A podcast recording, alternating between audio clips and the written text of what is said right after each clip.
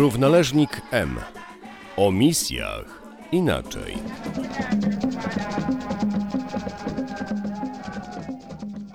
Dwudziestego siódmego października 2022 roku w Muzeum Archikatedralnym w Warszawie odbyła się już szósta gala medalu Benemerenti in Opere Evangelizationis Komisji Episkopatu Polski do spraw misji. W kategorii za zasługi w misyjnym dziele Kościoła laureatem został ojciec Andrzej Fecko, werbista, którego gościmy w dzisiejszym odcinku naszego podcastu Równoleżnik M o misjach inaczej.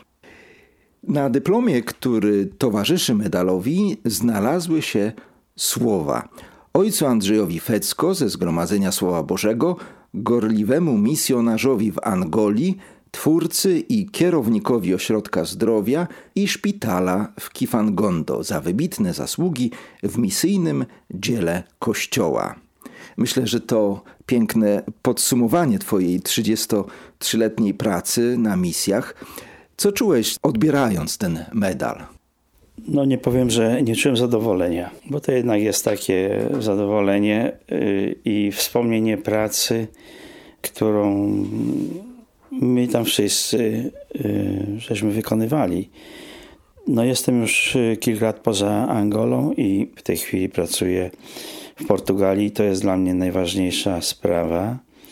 Wybrano mnie jako ekonoma seminarium w Lizbonie i też, z czego jestem bardzo zadowolony, posługuję w dwóch parafiach, znaczy się jednej parafii, ale dwie wspólnoty całkowicie różne, bo jedna to jest wspólnota Portugalczyków, a druga wspólnota jest wspólnotą Afrykańczyków. Także to mi zawsze przypomina moje lata spędzone w Afryce, w Angolii. No właśnie, o Portugalii jeszcze porozmawiamy. E, natomiast wróćmy może do początków, do Twojego wyjazdu na misję do Angolii. W 1980 roku przyjąłeś święcenia kapłańskie, zakończyła się formacja i wyjechałeś zaraz właśnie do e, Angolii. Przy czym od pięciu lat trwała tam już e, wojna domowa, która zresztą z przerwami trwała do 2002 roku. Jak taki nowy misjonarz, który wchodzi w zupełnie nową rzeczywistość, mógł się odnaleźć w takiej wojennej rzeczywistości. Na ile e, ci się udało, na ile ta wojna miała wpływ na to, czym się zajmowałeś na początku? No, w 80 roku pojechałem na kurs języka portugalskiego do Lizbony.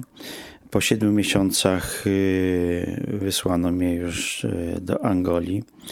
No w ogóle dlaczego Angola?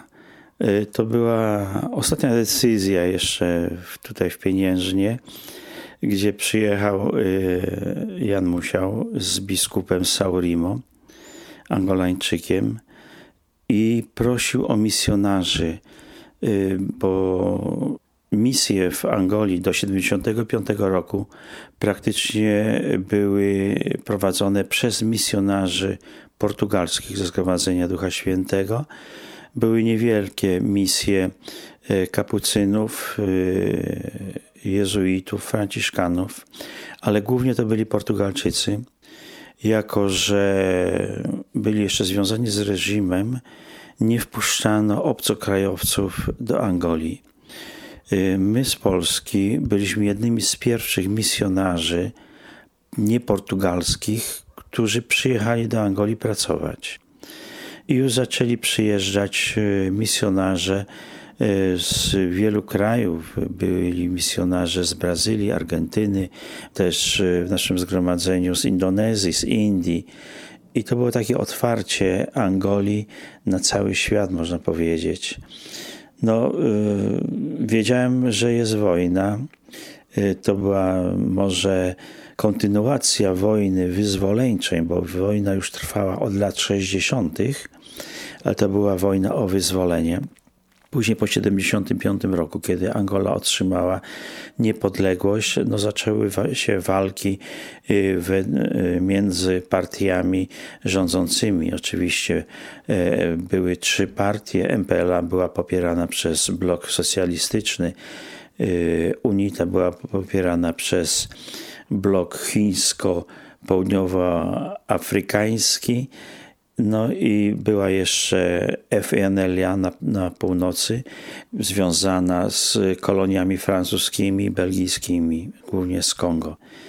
No, w Luandzie mniejszość już było wojny, ale widać było opuszczone miasto. Nic praktycznie nie funkcjonowało tam. To jeszcze były resztki y, kolonizacji, y, które tam jeszcze funkcjonowały. No gorzej było w interiorze, w buszu. Moją pierwszą placówką była misja Kakolo, około 950 km od y, Luandy na wschód, no, gdzie zaczęliśmy pracę bardzo ofiarnie. Można powiedzieć, że to była pierwsza ewangelizacja, bo tam na te tereny biały człowiek doszedł y, w latach 20. i 30. zeszłego wieku. I tam y, po dwóch latach zaczęły się już ataki na drogach, zasadzki miny.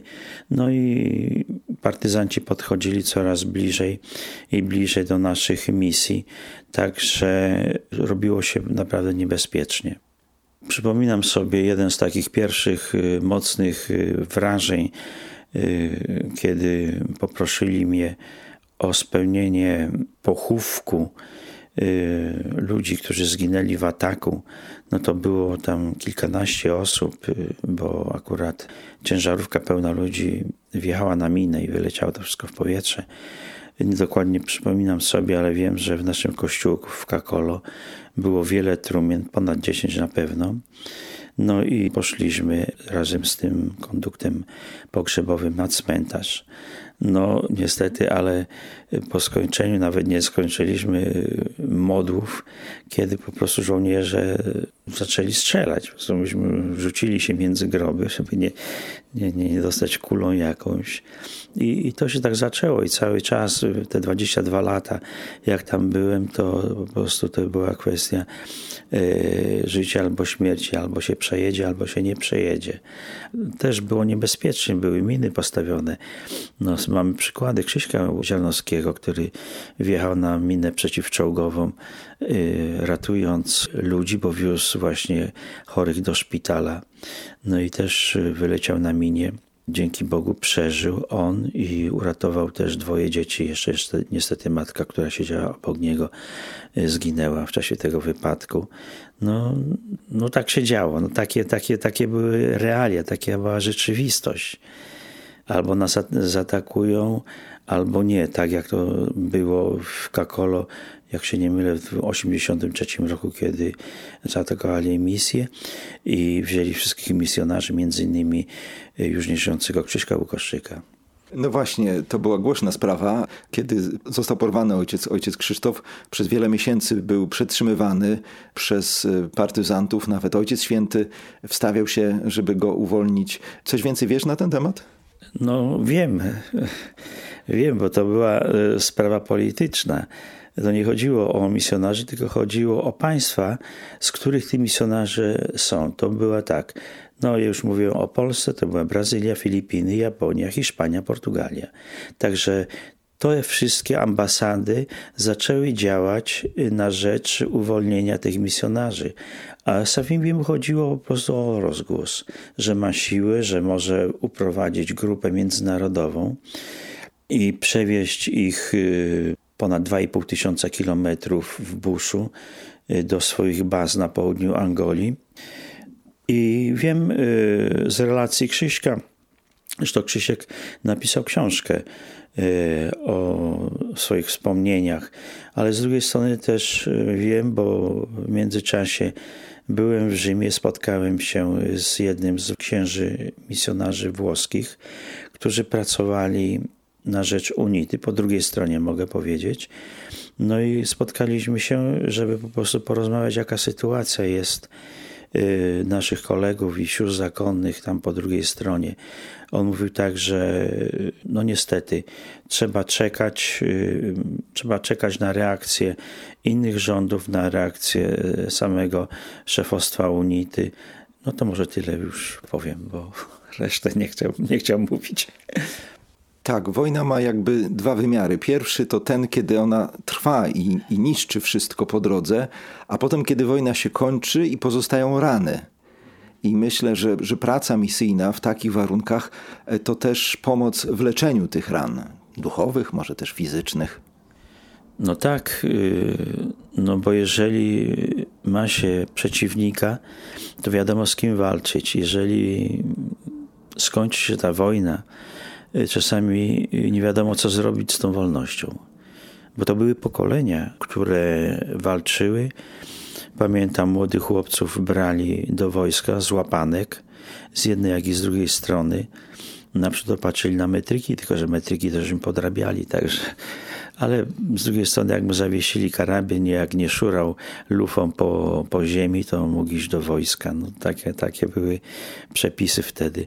Ale jeżeli chodzi o to, że rzeczywiście wojna się skończyła, no i zaczęło się niebezpiecznie, bo wielu ludzi y, żyło z walki, z partyzantki, czy też y, z rabunku zatrzymywali samochody, okradali, mieli, praktycznie wszyscy mieli broń, można było dostać karabin na targu, kule można kupić na targu, no wiaderko kosztowało 100 dolarów do, do Kałasznikowa. Także to były czasy niebezpieczne i zaczęły się wtedy napady y, na misje, kradli samochody i rzeczywiście musieliśmy wtedy mieć też y, obstawę i co niektórzy też mieli broń, żeby, żeby się po prostu bronić. Nie, nie tylko strzelać do kogoś, ale wystrzelić, żeby tam ci wiedzieli, że, że oni są zbrojeni, że nie będzie tak łatwo. No, ran było dużo. Jeżeli chodzi o te rany fizyczne, myśmy w Centrum Świętego Łukasza zrobiliśmy też taką kampanię w Polsce na kule. Tam się liczyło, że około 80 tysięcy ludzi jest bez nóg. Depnęło na, na miny przeciwpiechotne, które urywały do uchostki, a niektóre do kolana nogi. Także rozdawaliśmy te kule i to bardzo dużo pomogło tym ludziom, szczególnie tym żołnierzom, młodym chłopakom, którzy stracili nogę no i nie mogli się poruszać, a jednak kule dają jakąś możliwość Y, przechodzenie z jednego miejsca na drugi, także y, mogli też zacząć podjąć jakąś tam pracę, bo jednak ręce mieli w sumie zdrowe, tylko chodziło o to, żeby się przemieszczać z miejsca na miejsce. No duchowo y, to też były problemy. Wartość człowieka zmalała tak zmalała, że czasami y, zabicie człowieka dla niektórych, y, to mi mówili po prostu, powiedzieć, że no zabić kurę to trzeba się zastanowić dwa razy, bo, bo z można zrobić jakieś tam siuraczko, można ją zjeść, a z człowieka no to nic nie ma. No. Także takie były wartości. No nie mówię we wszystkich, ale wielu żołnierzach, którzy wyszli z wojska, z buszu, gdzie po prostu od y, chłopaków, od małych byli, byli przyzwyczajeni do, do przemocy tylko. No i ta przemoc też się widziała właśnie w miastach, szczególnie y, bandy młodzieniaszków, gdzieś tak 18-20 lat, no po prostu napadali, okradali ludzi, y, okradali kobiety, które sprzedawały y, na targu. No, po prostu było niebezpiecznie. Kapituła medalu Benemerenti in Opere Evangelizationis przede wszystkim doceniła Twoje zaangażowanie na polu medycznym. Także wśród naszych dobrodziejów misyjnych byłeś kojarzony z Centrum Zdrowia Świętego Łukasza, które założyłeś i prowadziłeś. A wszystko zaczęło się od pomocy ludziom trędowatym. No tak się złożyło, że na naszej misji w Kifangondo mieliśmy wioskę trędowatych, gdzie pracowały nasze siostry Polki, yy, werbistki. I często mnie prosiły o pomoc, y, bo to był ośrodek zaniedbany. Nikt o to nie dbał. Myśmy organizowali wspólnie ze siostrami, organizowaliśmy jedzenie dla tych ludzi, lekarstwa dla tych ludzi. No i to były stare y, budynki, popękane. Nie było ośrodka zdrowia. No, była taka sala, ale można było przez ścianę zobaczyć, co się dzieje na zewnątrz. Po prostu była ruina. Robiliśmy wiele akcji na to, żeby doprowadzić wodę i prąd, yy, i to się udało zrobić. No i kiedyś siostra mnie poprosiła, yy, żebym po prostu coś zrobił, nie? A jeździłem tam prawie rok czasu, żeby opatrywać tych ludzi. Akurat miałem taki dzień, to chyba była środa. Jechałem przed południem do tej wioski Trędowatych. No jako, że siostra musiała przyjąć ludzi z wioski jako pielęgniarka, to więc y, wprowadziła mnie w y, te arkana i zacząłem sam y, zmieniać opatrunki i czyścić te rany. Także poznałem dokładnie pracę wśród tych trendowatych. I później z, była taka okazja, że można było wybudować nowy ośrodek, już taki porządny ośrodek, żeby tam były miejsca do właśnie do, tych, do tego czyszczenia tych ran, do przyjmowania ludzi, żeby tam była jakaś apteka, żeby były gabinety do przyjmowania chorych z okolicznych wiosek i dostaliśmy pomoc z Caritasu francuskiego. Ja wtedy muszę się pochwalić, sam zrobiłem ten projekt tego centrum. No i przedstawiłem takiej firmie, to była firma włoska Salandin i oni zaakceptowali ten projekt. Tam były takie malutkie poprawki, no ale w sumie, jako że wiedziałem, jak tam się pracuje, no to yy, wybudowaliśmy ten yy, ośrodek zdrowia. Do tej pory jest.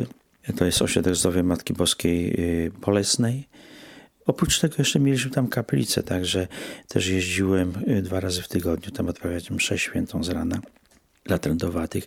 Także się zżyłem z tymi ludźmi, witałem, dotykałem ich mm, bezpośrednio. Oczywiście mm, przy takiej pracy musiałem mieć rękawiczki, żeby rany czyścić, bo to też trzeba mieć troszeczkę y, odpowiedzialności za swoje y, zdrowie i życie. Nie?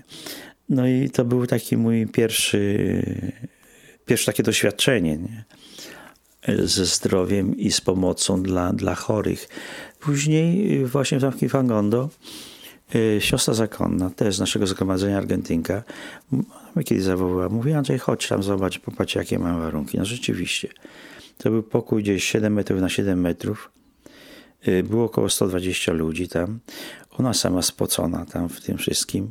Nie była nisza, tam miała jakieś takie biurko, szafkę na lekarstwa. No i ona mówi, słuchaj, no może byśmy dobudowali coś. Ja mówię, no pomyślę, e, może coś dobudujemy.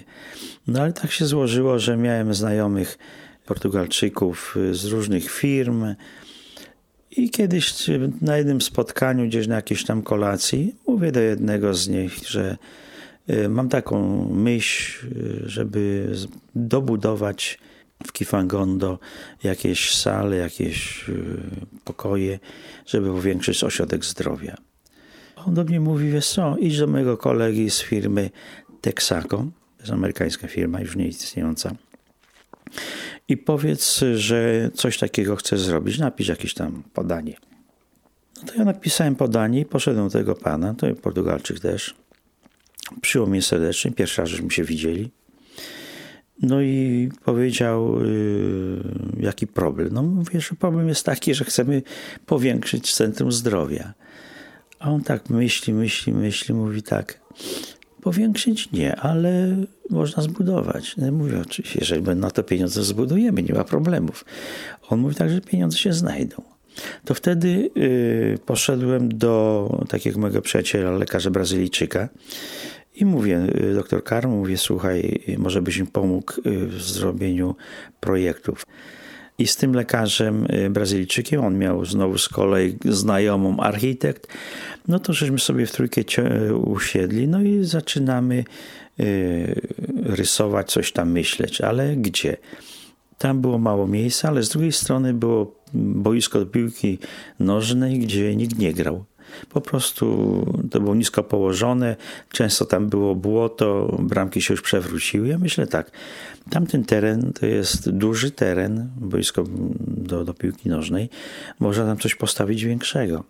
No więc zaczęliśmy tak kombinować, no i stworzyliśmy, stworzyliśmy, też tam udział brałem w tym wszystkim, e, projekt takiego e, centrum zdrowia, kliniki, szpitale, jak to nazwać, w każdym bądź razie był to projekt, y, który miał w pierwszej fazie budowy cztery gabinety lekarskie, miał laboratorium, aptekę, magazyn na lekarstwa, y, miał rentgen, y, salę na osiem łóżek, oczywiście sala dla pielęgniarek i pomieszczenia administracyjne. No i to był pierwszy etap tej budowy. Ja to zaniosłem temu właśnie y, odpowiedzialnemu za projekty w Texaco. On popatrzył się na to, mówi tak, oczywiście, daje pierwsze 400 tysięcy dolarów na to. Ja się zdziwiłem, tak wyszedłem, później patrzę się na te Texaco, myślę, no ja, ja nie wiem o co, o co tu chodzi, wiesz. Facet nieznany z ulicy przychodzi, przynosi mu projekt, ten mówi tak, że są pieniądze na to. No dobrze, jak są. No i zaczęła się budowa tego.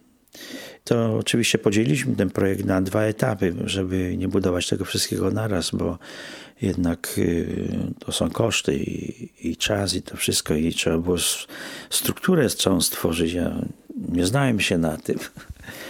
Także pierwszy etap został wybudowany w 1996 roku. Był oddany 1 czerwca na Dzień Dziecka. No i otworzyliśmy to centrum. Oczywiście współpracowały ze mną siostry naszego zgromadzenia, siostry zakonne. I pomalutku zaczęliśmy to rozkręcać. Szukaliśmy odpowiednich ludzi, współpracowników, y, pielęgniarzy, którzy by mogli współpracować z nami. No i oczywiście był projekt, to już był projekt z Instytutu Chorób Tropikalnych, aby stworzyć kooperację między Instytutem Chorób Tropikalnych z Gdyni, y, Uniwersytetem z Wydziałem Medycyny w Luandzie i Instytutem Chorób Tropikalnych z Lizbony. No, spotykaliśmy się raz czy drugi i ta współpraca zaczęła działać. Jak zaczęła działać, to poprosiliśmy Texaco o następne pieniądze, żeby dobudować drugą część tego Centrum Zdrowia.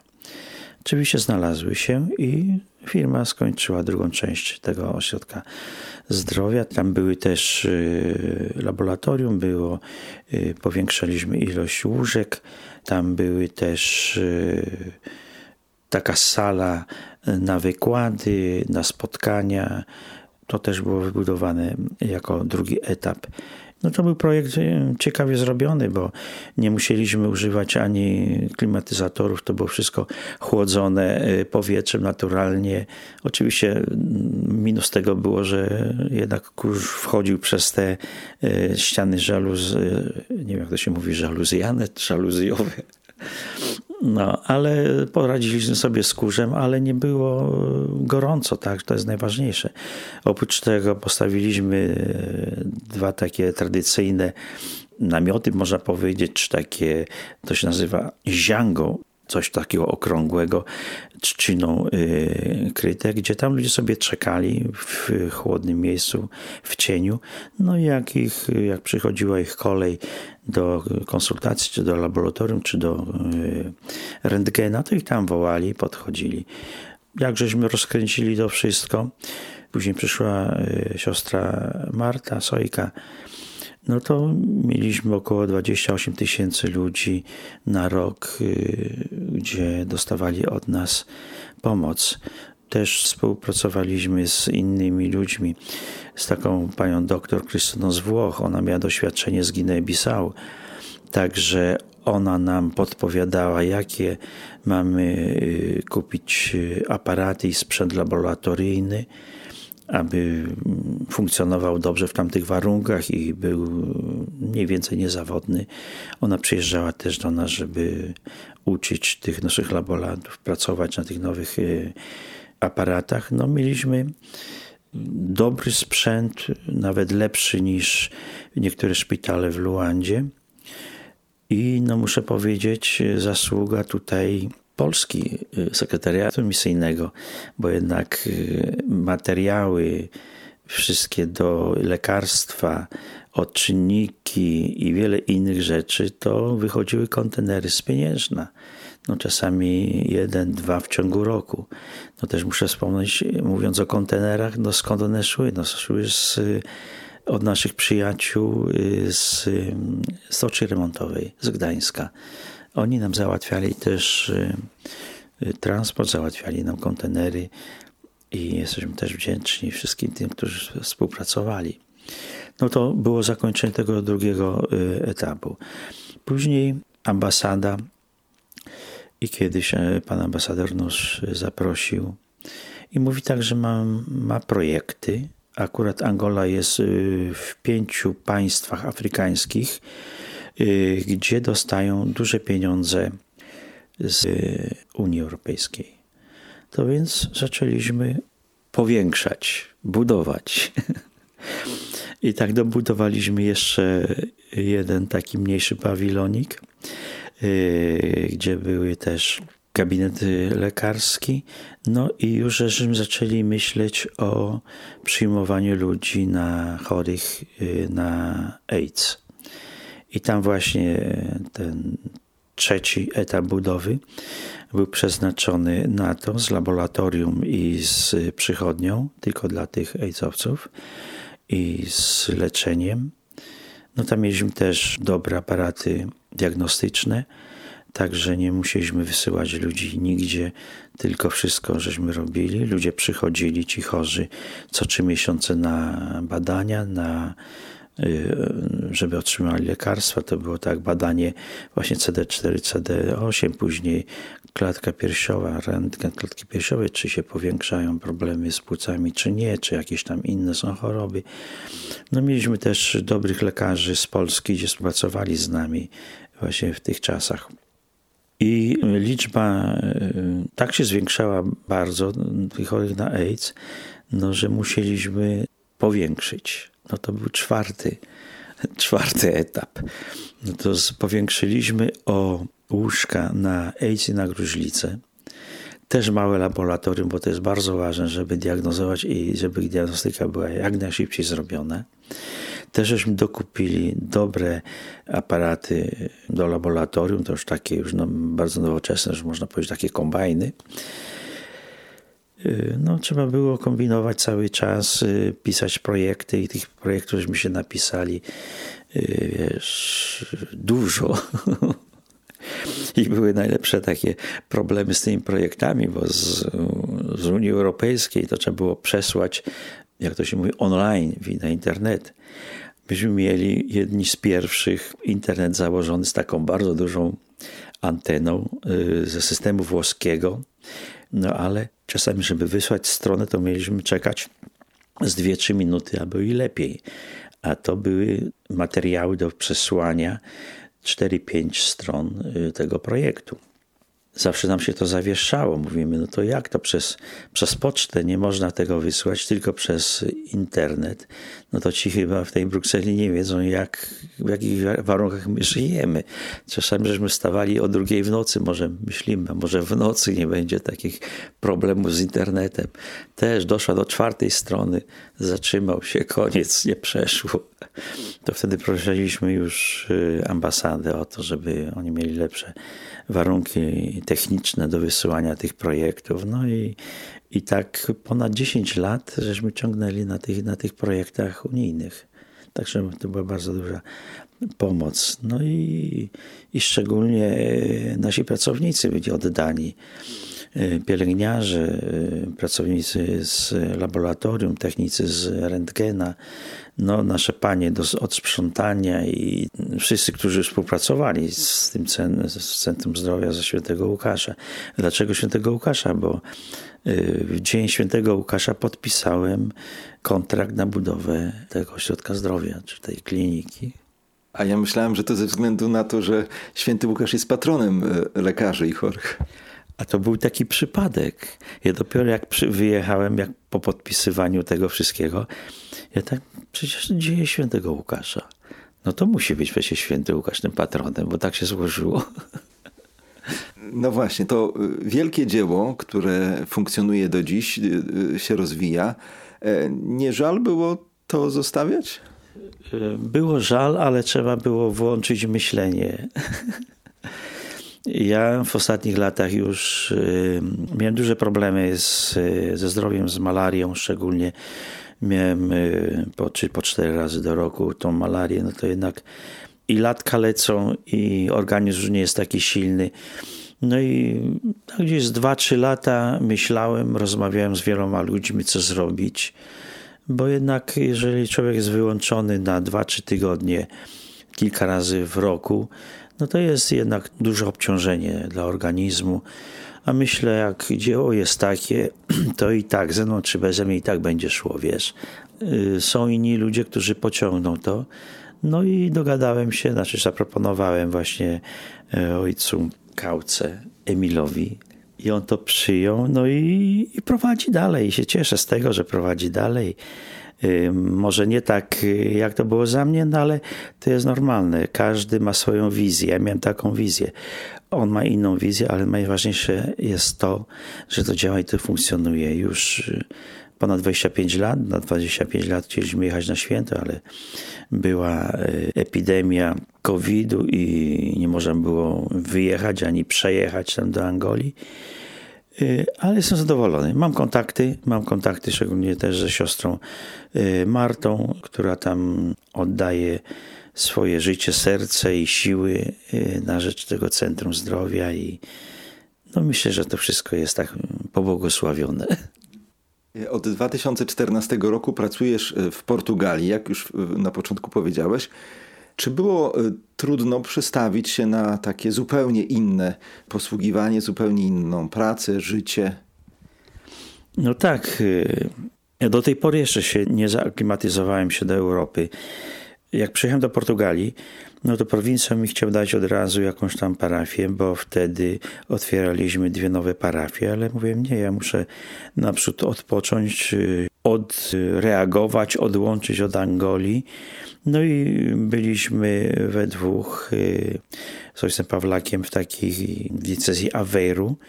To były trzy parafie, które biskup oddał werbistom. No dobrze było, że byłem z Polakiem, który już miał doświadczenie z Portugalią, także się tam przyglądałem na to. No były takie zabawne też historie. No, jeszcze wspomnę, że moim ostatnim dziełem tam w Angolii to była parafia świętego e, Jana Chrzciciela, gdzie wybudowałem kościół, no dosyć duży, bo 3000 ludzi siedzących też z pomocą y, Polski i, i sekretarza misyjnego. I jak przyjechałem do Portugalii, jak widzę na, no, w niedzielę, no jest tych może 80 ludzi, ja tak sobie pomyślę, no rzeczywiście, no i większość starszych, no jest różnica, jest różnica, ale taka zabawna rzecz się też zdarzyła, że no miałem mieć tam chrzest w jednej z parafii takich wioskowych, no tam oczywiście są ci zakrystianie, którzy wszystko wiedzą, no i tak przygotowuję się do tego chrztu, no i on się mnie pyta, czy ja umiem chrzcić. No ja mówię, no chrzciłem w Angolii, a ostatnio, ostatni rok w parafii tam w Kakułako to miałem ponad tysiąc chrztów. Tak on się pyta, czy ja umiem chrzcić. Ja mówię, no poradzimy sobie. No to on mnie tam zaprowadził, pokazał wszystko, gdzie co jest. Podziękowałem, no i ochrzciłem to dziecko. No i Byłem tam e, kilka miesięcy, bo dałem takie słowo e, prowincjałowi, że pozwól mi odpocząć, a później możesz mnie wysłać tam, gdzie chcesz. No i niestety powiedziałem to słowo i musiałem usłuchać jego decyzji.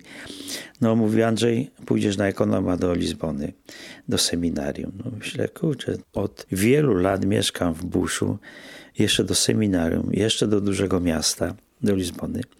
No ale powiedziałem słowo dobre. No jeszcze weźmiesz parafię. Priorveliu, to jest parafia portugalska, gdzie my werbiści prowadzimy. Oprócz tego też jest filia mm, Matki Boskiej z Nazaretu, gdzie 100% y, Afrykańczyków, szczególnie z Wysp Świętego Tomasza, z, z Cabo Verde, z Angolii te są. No i już tak siódmy rok ciągnę tą pracę i zobaczymy, co będzie dalej. No, jestem zadowolony szczególnie z tej y, wspólnoty afrykańskiej, no bo tam y, czuję się lepiej. Znam tych ludzi, znam tą mentalność. Y, I oni mnie też tam przyjęli. Także to jest jakaś, jakaś taka pociecha, można powiedzieć, w tej mojej pracy teraz tutaj w Europie, w Portugalii. Chociaż muszę powiedzieć, że e, praca w Europie ogólnie i w Portugalii jest o wiele cięższa i bardziej wymagająca e, niż na misjach. Ale czujesz się dalej misjonarzem, będąc w Portugalii? no, czuje się misjonarzem. Co niektórzy mówią, że jak ktoś przyjeżdża do Europy, to już nie jest misjonarzem. Ale z kolei y, znam kolegę, który zawsze powtarzał, że misjonarzem się jest do końca życia. Czego Ci z całego serca życzę. Dziękuję za rozmowę, Andrzej. Szczęść Boże.